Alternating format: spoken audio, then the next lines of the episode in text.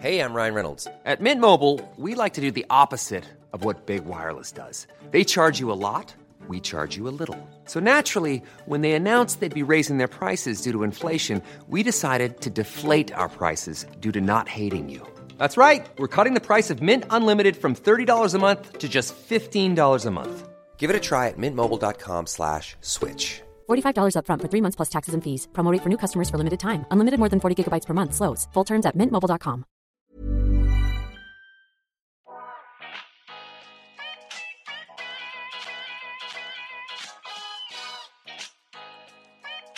Välkommen till En timme med där jag, Sanja Tegeltia, träffar människor som inspirerar mig, som delar med sig om sina karriärresor, sina motgångar, om självutveckling och hur de har kommit dit de är idag.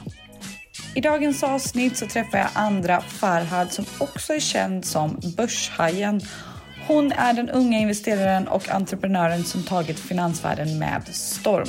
Hennes ambition är att få fler att börja engagera sig i sin privatekonomi i tidig ålder så har hon startat Sveriges största konsultfria utbildningsplattform för sparande och investeringar. Och vi pratar just om det här. Jag vågar ställa de dumma frågorna som man kanske inte vågar. Och det är hur mycket kapital behöver man? Hur lär man sig aktiemarknaden? Man kanske är nyfiken men man vågar inte ta sig ut. Man vågar inte ta, ta för stora risker. Hur mycket liksom, års av kunskap krävs? Kan man börja smått? Ja, högt och lågt. Hon berättar och delar med sig av sjukt många bra och handfasta tips. Och att man helst skulle börjat spara igår. Så att in och lyssna och hoppas ni blir inspirerade. Hej Andra! Hej! Så kul att ha dig med i podden. Jag har ju varit nyfiken på dig länge men nu äntligen får vi till det. Ja men eh, vi pratade om det här för redan för några år sedan. Att Aha. vi skulle göra det här. Men eh, det har inte blivit av. Så att det är jättekul att det äntligen blir av nu. Ja, verkligen. Du är också känd som eh, Börshajen. Jävligt coolt namn. Tack! Kan du inte berätta lite, hur kom du in på det här? Och nu kommer jag ställa frågor som är väldigt for dummies, men det får du ta. Ja men alltså jag började ju eh, intressera mig för sparande i väldigt tidig ålder. Mm. Eh, och har egentligen fått det hemifrån, från mina föräldrar. Och Mm. eh, när eh, mina föräldrar var restaurangägare när jag växte upp. Eh, och när jag var ungefär 13 så hade de en restaurang som gick jättebra. Ehm, de tog dit en sån här uh, sotgubbe kanske det inte heter, men en sån här kille som rengör ventilationerna och han tappade en, det var en tygbit eller en trasa i ventilationen som började brinna under natten. Och då visade det sig att eh, restaurangen brann ju ner och det visade sig att mina föräldrar hade fel försäkring. Och eh, de fick ju lägga alla sina sparpengar på att återställa den här restaurangen och det var ju så det var ju fruktansvärt för dem. För allt de hade jobbat ihop och tjänat ihop sedan de kom till Sverige. Mina föräldrar har alltid varit egenföretagare. Mm. Det fick de ju lägga på att återställa den här restaurangen. Eh, och de levde väldigt mycket på lunchgäster så att när de väl öppnade upp ungefär 9-10 månader senare så flyttade många storföretag därifrån. Och restaurangen gick i konkurs. Så att jag var eh, 14 när jag satt på första parkett och såg hela deras ekonomi rasera. Och jag kände att jag behöver göra någonting för att hjälpa dem. Så jag Mm. googlade, hur blir man rik? Och av alla ställen jag kunde hamna på så hamnade jag på Flashback. Och där var det någon som hade skrivit att vill du tjäna pengar så ska du köpa aktier. Mm. Eh, och det var första gången jag kom i kontakt med begreppet aktier. Och ett år senare så hade jag köpt mina första aktier. Eh, och eh, det var egentligen därifrån, eller det var där det började. Mm. Wow! Och, och jag menar, hur lärde du dig? Hur, alltså, fick du, gick, gick du någon kurs? Gick du eller bara började du läsa på? Eller? Nej, alltså jag eh, läste ju väldigt mycket ja, men, på nätet. Mm. Eh, sen gick jag också med Unga Aktiesparare. Mm. Och de hade ju sådana här helgutbildningar för nybörjare. Så att det började ju där. Eh, och sen så och sen så eh, läste jag väldigt mycket på egen hand också. Men det tog ungefär ett år innan jag kände att jag eh, nu vågar köpa mina första aktier. Så jag köpte ett bolag inom stålindustrin. Fråga inte mig varför, det var rent slump. Och eh, mitt beslut grundade sig nog mycket i att så här, men det var mycket skriverier om det bolaget i media. Och jag kände så här, om media skriver om det så betyder det att det är bra. Eh, så jag köpte det och gjorde en avkastning på ungefär 40% på tre månader. Och mm. eh, kände mig så här, ja, men lite odödlig, fick hybris och sen så förlorade jag alla de pengarna. Mm. Eh, och det var väl egentligen någonstans där som jag kände att jag fick ett genuint intresse för att lära mig. Um, för jag fick någon form av blodad tand. Mm, mm. Och jag menar, krävdes det mycket pengar? För jag tror att många räds, alltså, är rädda för, för liksom aktier och, hela den typen av sparande för att man tänker att det behövs otroligt mycket kapital. Men, men som du beskriver det då, hade du otroligt mycket kapital eller krävdes det? Kan man börja med små medel? Jag hade ju 20 000 som jag hade sparat ihop sedan jag var nio.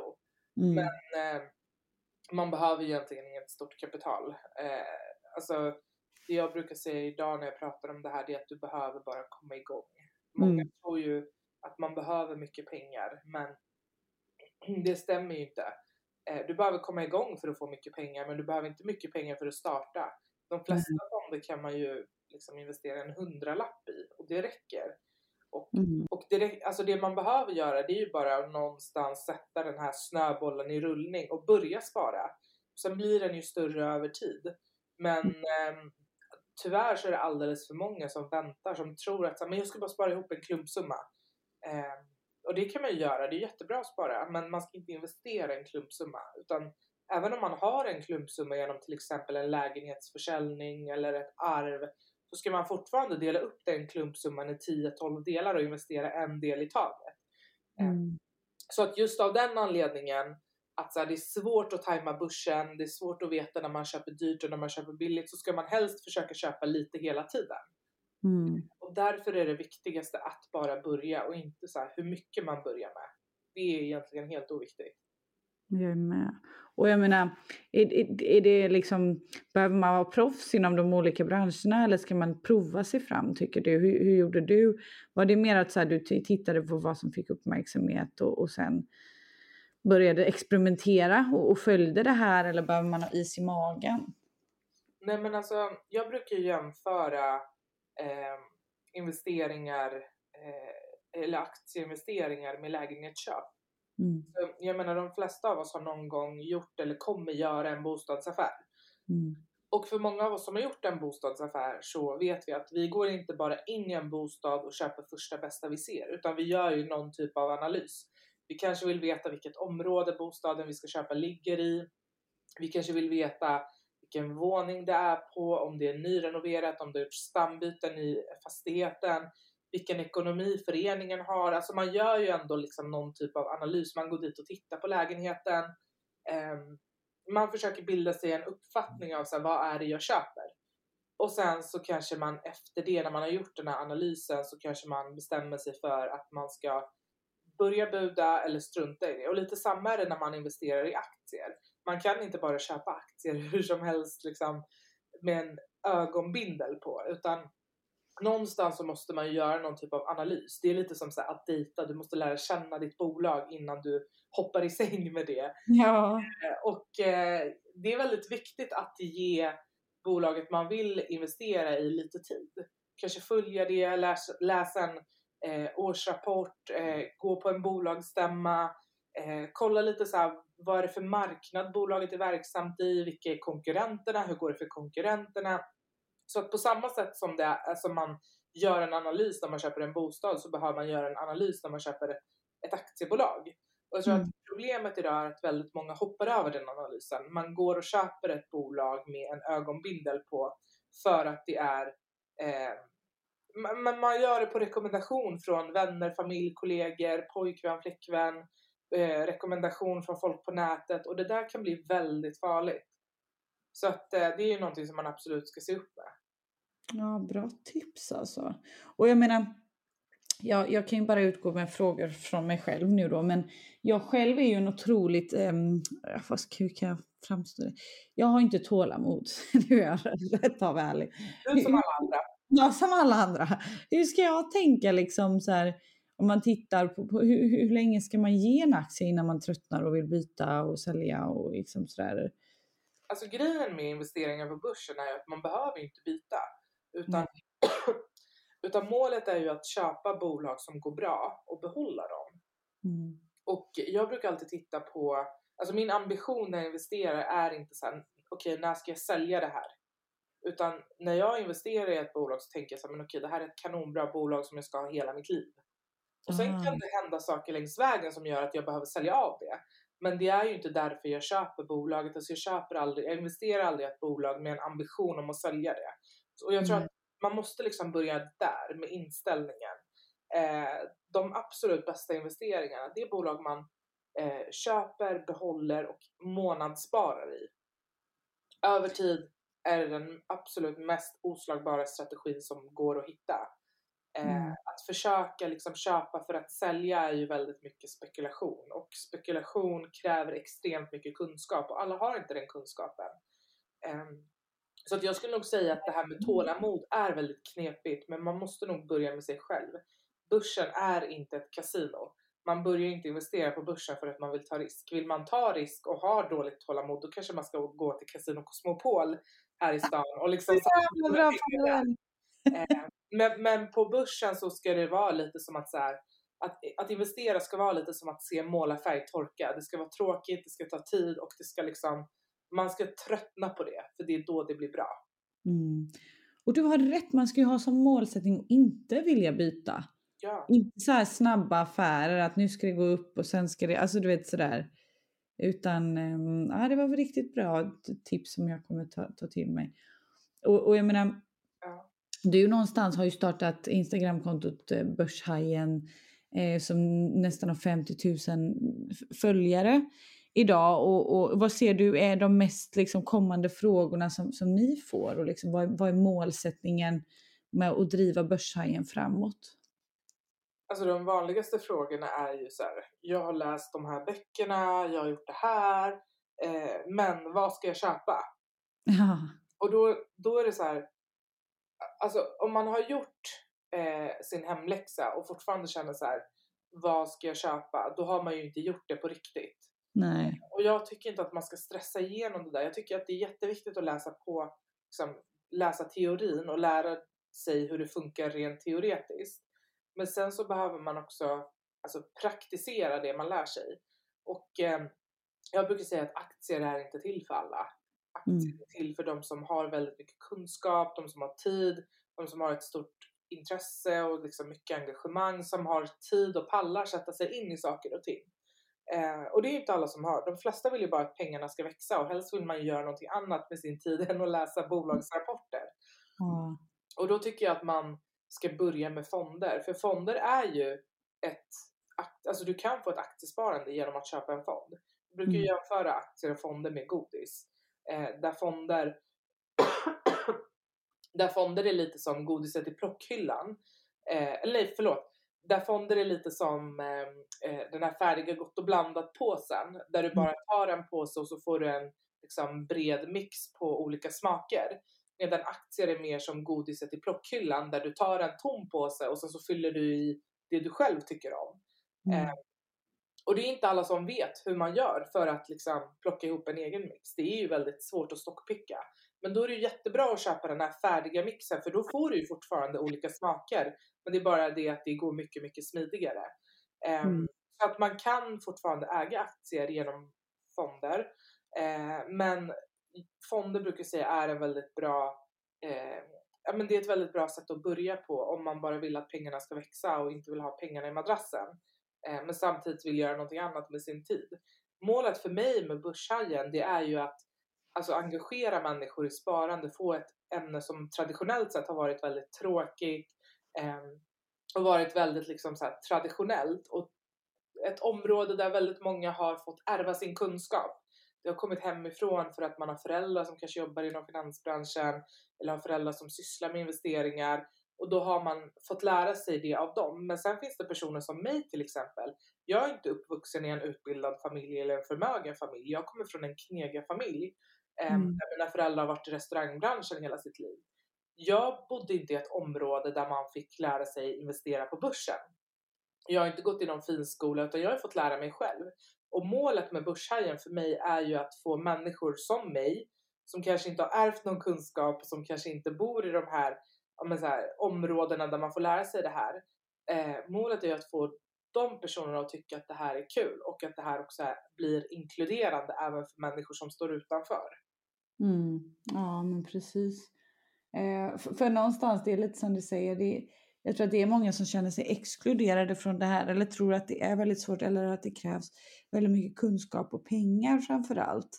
Ehm, jag menar, som du sa, man behöver ju, visst man behöver kapital, men man kan någonstans också om man börjar läsa sig på testa med mindre summa. Det behöver inte vara stora summor kanske. Eller liksom hur, hur litet, det är kanske som att fråga hur långt är ett snöre, men Eh, hur lite pengar krävs? Kan man leka runt med några tusen kronor eller är det liksom, vad brukar du ge för tips kring det? Alltså, det är ju precis som du säger, så här, man behöver inte komma igång med en stor summa utan man behöver börja smått. Och jag brukar alltid säga så här, tänk litet därför att små medel är små misstag och stora medel är stora misstag. Man vill liksom inte investera sina livsbesparingar eh, på börsen och förlora dem det första man gör. Utan mm. det handlar ju mer om att så här, börja långsamt eh, och successivt trappa upp när man känner att man blir varm i kläderna. Men mm. eh, att investera på börsen kräver tyvärr tålamod. Och har man inte det tålamodet då ska man inte vara på börsen. För då tar man alldeles för stor risk och då blir det farligt. Jag är med. Och, och jag menar, och hur tänker du kring situationen som är nu med, med liksom den ekonomiska situationen? Eh, för, för nu blir ju också många så här, oh det är nu jag borde passa på eller eh, vad, vad, är dina tips och råd kring, kring det läge som råder? Känner du liksom en stor påverkan av det ekonomiska liksom, aspekten som är, råder idag? Ja, alltså det är klart att det ekonomiska eh, liksom det, det är ju väldigt skakigt just nu. Mm. och det här påverkar ju, alltså det ekonomiska eh, som vi befinner oss, alltså situationen vi befinner oss i nu påverkar ju alla. Eh, mm. Och det påverkar liksom även mig och många andra eh, runt om i landet. Och eh, det är klart att det är tufft, men jag tror att det är viktigare än någonsin att försöka prioritera sparandet. Jag ser ju väldigt många människor som absolut dragit ner på levnadsstandarden men som fortfarande eh, lever ganska bra och där man istället har, eh, där sparandet har fått ryka. För mig är det tvärtom. Jag har ju tänkt så här, jag, det är ju absolut viktigaste för mig just nu, det är ju att fortsätta investera. Och jag har ju dragit ner väldigt mycket på min levnadsstandard för att kunna prioritera ett fortsatt sparande. För mm. det är läskigt just nu när det är så skakigt och börsen var ju väldigt svajig förra året och tappade väldigt mycket. Men det man ska komma ihåg det är ju att börsen påverkas ju av det som sker i världen och under förra året så hade vi ju väldigt mycket som hände. Vi hade ju ett krig som bröt ut i Europa. Vi hade en inflation som steg runt om i världen. Vi hade en ränta som steg och allt det här påverkar ju börsen. Mm. Och det man ska komma ihåg det är ju att det är inte första gången vi har krig. Det är inte första gången vi har hög ränta. Det är inte första gången vi har hög inflation. Och oavsett vad som sker, om man tittar tillbaka i tiden på hur börsen har gått de senaste hundra åren, så kan vi se att börsen alltid återhämtat sig från varje fall. Även de allra största fallen i liksom vår eh, historia har börsen kunnat återhämta sig från och över tid så ser de, bara, de fallen bara ut som liksom små, små hack i kurvan. Och det är det man ska försöka ha i åtanke när man investerar. Det är ju det längre perspektivet. Och mm. även om det är svajigt idag så ska man försöka ha is i magen och fortsätta hålla igång. Mm, mm. Exakt, och det var, det var till min nästa fråga, ditt tips nu, hur man kan tänka kring just nu när det är svajigt och sådär. Eh, och det är väl lite som du går in på, att fortsätta spara. Eh, att inte helt strypa det, utan att så här, det har ju funnits, eller det har varit tuffa tider innan också, men att man kanske då får dra in på andra saker. Man kanske inte har råd med, med båda såklart. precis. Ehm, Men eh, vad är, vad är målsättningen? Vad är liksom dina drömmar och planer framåt? För jag menar, nu gör du otroligt mycket. Du driver ju liksom, ja, men ditt bolag, dina sociala medier, du föreläser, du har ju otroligt många bollar i luften. Vad, vad är drömmarna framåt?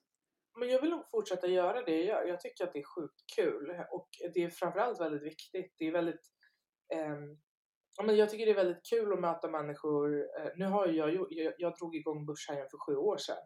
Och när människor kommer fram och säger här, jag blev intresserad av sparande på börsen tack vare dig för sju år sedan när jag hörde dig i det här programmet. Alltså det är ju väldigt häftigt och eh, jag Mm. menar tiden passerar ju ändå. Och att kunna känna att jag under den tiden gör någon typ av impact känns väldigt viktigt för mig. Ehm, så att jag vill ju fortsätta göra det jag gör men kanske till och med göra det i en större utsträckning. Men Mm. eh, jag kommer fortsätta absolut att föreläsa och jag kommer fortsätta, jag har ju gett ut två böcker under senaste året. Eh, så att jag kommer vilja fortsätta skriva några böcker till. Eh, och fortsätta men få människor att tycka att sparande är kul. Mm. Verkligen. Och ser du någonstans att det är mindre, eller att det är kvinnor, eller, ser, eller förhoppningsvis är det ett skifte, men ser du att det är fler kvinnor som vågar ta färre risker? Eh, ja, alltså kvinnor är ju bättre på att investera än vad män är. Mm. Eh, alltså rent statistiskt så gör ju vi bättre affärer än män. Mm. Och eh, det har ju mycket att göra med att vi är mindre riskbenägna. Eh, vi tar inte lika stor risk som män gör. Vi är mer rationella, vi är inte så känslostyrda. Eh, vi har lättare att kapa förluster. Män har ju en lättare tendens att gifta sig med aktier. Eh, och om en aktie faller 10-20% så vill de behålla det för de tror att det kommer vända uppåt. Medan vi är väldigt bra på att så kapa den förlusten och investera i något annat. Eh, och vi, eh, till skillnad från män, känner inte oss odödliga på börsen. Utan vi är väldigt duktiga på att ja, men så här, tänka rationellt. Vilket gör att vi, eh, vi gör alltså, bättre avkastning än män. Eh, och det är ju jättekul. Men det jag tror att eh, är största utmaningen för många kvinnor det är ju att våga tro på sig själva. För kvinnor har väldigt stor kunskap men man vågar inte gå hela vägen. Man vågar liksom inte riktigt dra igång ett sparande. Även om man vet hur man gör och hur det ska gå till och vad man behöver för att komma igång så vågar man inte löpa hela linan ut. Utan någonstans vill man lägga över det på en partner, en man, en pappa. Alltså man vill alltid ha hjälp och jag tror att vi kvinnor måste bli modigare, vi måste våga mer, vi måste våga tro på oss själva mer. För att vi kan och vi är väldigt bra, men vi måste bara våga ta steget. Och det är oftast där tröskeln är som hög, alltså högst. Mm. Ja, jag är med på vad du menar och det är ganska intressant att höra att det är inte fräckast vinner som vågar ta högst risker utan det handlar om att ta svart, smarta val. Eller Ja. göra smarta val och och medvetna val. Mm. eh, än att kanske gambla för mycket. Och, och att man kan göra fina vinster ändå. För det känns lite som att det romantiseras just med risktagande, att man kan göra troliga affärer om man vågar satsa och riska högt. Mm. Ehm, Men det är ju lite som du säger, eller det går emot det du säger om att faktiskt vara påläst och att skynda långsamt. Ja. Jag tror att Mm. det är väldigt viktigt. Eh, för det är som sagt, alltså, ju mer risk man tar, eh, alltså desto sämre är det. Många tror ju så här att men om jag investerar i en massa småbolag och tar mycket risk, då har jag också möjlighet till större avkastning. Mm. Ja, det kanske stämmer. Men sannolikheten att du förlorar de pengarna är ju mycket, mycket större än liksom, sannolikheten att du blir miljonär på det här. Mm. Mm. Eh, och jag tror att problemet med många som investerar på börsen är att man jagar avkastning. Man tänker hela tiden så här, vad kan jag köpa som gör att jag tjänar så mycket pengar det bara går? Och det är fel. och det är fel tänk. Att investera på börsen ska inte handla om att jaga avkastning utan att investera på börsen ska handla om att hela tiden minimera risken. Så vad kan jag hela tiden göra för att minska risken i min portfölj? Och eh, när man har hittat en balans, för att någonstans, man kan inte plocka bort hela risken, för att du behöver ju ändå lite risk, men man ska kunna ta hälsosamt med risk. Eh, och jag brukar säga att om du kan sova gott om nätterna, då tar du lagom risk. Om man ligger uppe och, och in, liksom vrider på sig och det gör ont i magen när man tänker på sin portfölj, då tar man lite för mycket risk. Eh, Mm. Och där är det viktigt att hitta en balans för att risk och avkastning går ju hand i hand. Man kan ju inte få någon avkastning utan att ta risk. Men det, det finns liksom också en balans på hur mycket risk man kan ta eller ska ta eh, innan det liksom går överstyr och eh, ja, leder till någon typ av så här, ekonomisk kollaps. Eh, Mm. och där är ju eh, tyvärr väldigt vanligt, framförallt nu efter pandemin och hur liksom, börsen har gått, att väldigt många unga har men, tagit lån för att investera, eh, hamnat i skuldfällor på grund av investeringar på börsen och eh, det här har ju skapat någon typ av så här, aktieberoende eh, Mm. som vi inte har sett förut. Och vad tänkte jag på, har du, har du någon gång gjort eh, liksom, misstag som du kan dela med dig av där du har känt eller har det varit, jag antar att det inte har varit en bara solklar resa rätt spikrakt upp liksom, för, för dig att bli proffs inom det här utan att du har fått lära dig av dina tabbar? Ja, absolut. Alltså jag har ju, jag har ju absolut gjort alla misstag man kan tänka sig göra på börsen. Eh, jag har varit den som har tagit mycket risk. Jag har varit den som inte spridit mina risker tillräckligt. Men jag har varit den som ja, men agerat för fort, agerat med för mycket känsla istället för att tänka rationellt. Jag har liksom gjort alla misstag man kan göra. Eh, och jag tror att det är viktigt att få göra de misstagen oavsett vem man är och hur mycket kunskap man har. Så är det väldigt Mm. viktigt att få, eh, få göra alla de här tabbarna för det är så man lär sig. Eh, Mm. Men då kommer vi tillbaka till det här jag sa tidigare att tänk små medel för små medel är små misstag. Eh, om man ska tillåta sig själv att praktisera teorin man lär sig Eh, Men man ska också vara snäll mot sig själv och tillåta sig själv att lära sig genom att göra misstag. Och det är där det är viktigt att inte ta för mycket risk i början och gå in med för stort kapital innan man har blivit varm i kläderna. Så bra tips. Och jag menar det tar ju år, det är som jag brukar prata om med alla mina gäster att jag träffar ju och intervjuar er vid en del i resan men det är ju otroligt mycket jobb, misstag, slit som ligger bakom den här framgången. Och jag menar, det var ju inte över en natt kan jag tänka mig som du blev proffs inom området. Du kanske säkert, eh, jag menar, när jag gjort min research på det, jobbade med andra jobb vid sidan av ett tag. Eh, för att då kunna liksom, syssla med det du tycker om och, och, och investera. Ehm, så att, det, det är ju det, det finns ju två sidor av myntet alltid. Och jag menar, idag har du ju anställda i bolaget och, och bygger ett bolag inom detta. Men eh, jag kan tänka mig att det har varit en, en otroligt lärorik skola. Ja, nej men verkligen. Och eh, jag tror att många så glömmer bort. Eh, alltså jag är ju, jag fyller 30 om två månader. Jag har liksom investerat sedan jag var 15, det är halva mitt liv. Mm. Så att det är ju absolut ingenting som jag bara liksom gjorde över en natt utan det har ju verkligen tagit tid. Wow. Det är coolt. Du började alltså när du var 15. Och jag menar, det är ju det. Det tar tid och det tar, många blir blinda på the fame och man hör och läser och liksom sådär nu. Men det är så viktigt att prata om, om att det tar tid och, och misstagen tycker jag. Och om du får, får ge lite tips och råd till nu, nu har du delat med dig av hur många som helst under, under avsnittet, men om vi ska summera lite till de som lyssnar nu och jag har ju framförallt ja, men 92% kvinnor mellan 25 och 45 som lyssnar på den här podden eh, som någonstans är, är mitt i karriären och prestationsdrivna men också liksom är, är väldigt nyfikna på det här tror jag. Vad, vad har du för tips och råd att ge till dem som är, som är liksom nära på att börja men inte riktigt vågat sig ut? Ja men alltså jag skulle... ja, men alltså jag skulle nog säga att mitt bästa tips är börja bara. Eh, skjut inte på det för att vi har en tendens att, jag brukar jämföra eh, sparande på börsen med träning. Det är, här, det är alltid man ska börja så här, nästa månad eller nästa år eller efter sommaren. Man skjuter alltid på det men ta tag i det på en gång. Eh, och vänta inte på att få motivation till att börja spara utan motivationen kommer när du ser pengarna växa. Det är lite återigen som med träning, motivationen kommer när du först börjar se resultat men innan det behöver du bara disciplin. Eh, Mm. och jag tror att det viktigaste är att börja, börja smått, börja med fonder, hoppa inte in i aktievärlden liksom, världen direkt utan börja med det som eh, som hela tiden minimerar din risk och fonder har ju en lägre risk än aktier. Alltså jag menar genom att köpa en enda fond så får du tillgång till minst 30 olika aktiebolag. Mm. Så att det är liksom en helt annan typ av riskspridning än att köpa en enskild aktie.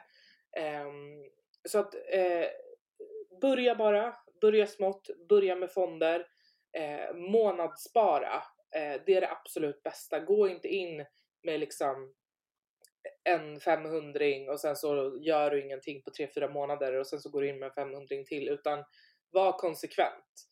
För det är det som också över tid kommer ge dig ett väldigt fint resultat. Mm. Och jag menar så att investera på börsen handlar om att spara pengar som du ska glömma bort. Alltså vi pratar i minst fem år. Glöm bort Mm. de pengarna, de finns inte. Ehm, och låt dem liksom växa på börsen. Och inte paniksälja kanske om, om det blir en tuff marknad. Nej, alltså jag, min portfölj låg ju som, alltså som värst 40% back förra året. Mm. Eh, och eh, det är klart att jag får lite panik när jag loggar in, men då struntar jag i att logga in. Eh, Mm. Men det är ju liksom på året. Sen om jag tittar tillbaka på hur den har gått de senaste tio åren, då ligger jag ju liksom flera tusen procent upp. Så att man får ju också försöka alltså, bortse från det korta perspektivet. Att så här, över, över liksom kort tid så kan det svänga väldigt mycket, men över tid, eh, ett längre tidsperspektiv så går det oftast uppåt. Så att man får ju försöka påminna sig själv om det när det blir tufft. Men det absolut viktigaste det är ju bara börja. Och Mm. för var, jag, då, när jag får frågan så här, när är bästa dagen att börja? Så brukar jag säga igår. Och den Mm. näst bästa dagen att börja är idag. Så bra. Eh, Det är bara att köra. Ja, Jag blir sjukt peppad själv att börja. och framförallt att ha is i magen, lära mig att ha is i magen. Ja. Vet du, och jag kan till och med få för mig, nu är jag så jäkla personlig med det alltid. Jag kan till och med bara säga, nej men du vet det kanske är för att jag, jag har en daytrader inom mig. Bara, nej det har du inte, du har bara Nej. jävligt dåligt samvete." Så det är så här, jag har inte alls kunskapen men så bara, det kanske är det jag ska göra, du vet bara sälja och köpa snabbt och så. bara, Nej, det är inget jag rekommenderar va? nej det, är, alltså det är ju bara 4% av alla som daytradar som lyckas leva på sin daytrading. Ja det är inte högt alltså. Nej, det är inte högt. Och resten börjar, bränner sig, blir av med alla sina pengar och sen så gör man någonting annat med sitt liv. Så att, Lägga ner den planen. ja, men så att den typen av risk ska man ju absolut inte ta. Utan investera långsiktigt, hälsosamt och eh, så blir det bra över tid. Ja, du har så rätt. Äh, tusen, tusen tack Andra. Vart hittar man dig nu när man är sjukt nyfiken på att lära sig mer? Vad är bästa kanalerna du finns på? Ja, men jag finns på Instagram som Andra Farhad och som Börshajen. Eh, sen om man tycker att det här är superspännande, det som jag precis pratat om, så har jag också skrivit en bok som heter Haja Börsen. Eh, Mm. Som är för eh, nybörjare. Så bra. Nej, tusen, tusen tack. Det här är så rätt i tiden också. Och eh, det är som du sa, börjar, man skulle helst börjat igår. Så det, det är dags tänka äga sin framtid och äga sin ekonomi. Ja, verkligen. Tack snälla för att jag fick vara med. Tack! Om ni gillar podden så får ni hemskt gärna dela den här med era vänner. Men också gå in och prenumerera och jättegärna lägga en liten kommentar. Det hade gjort mig så otroligt glad.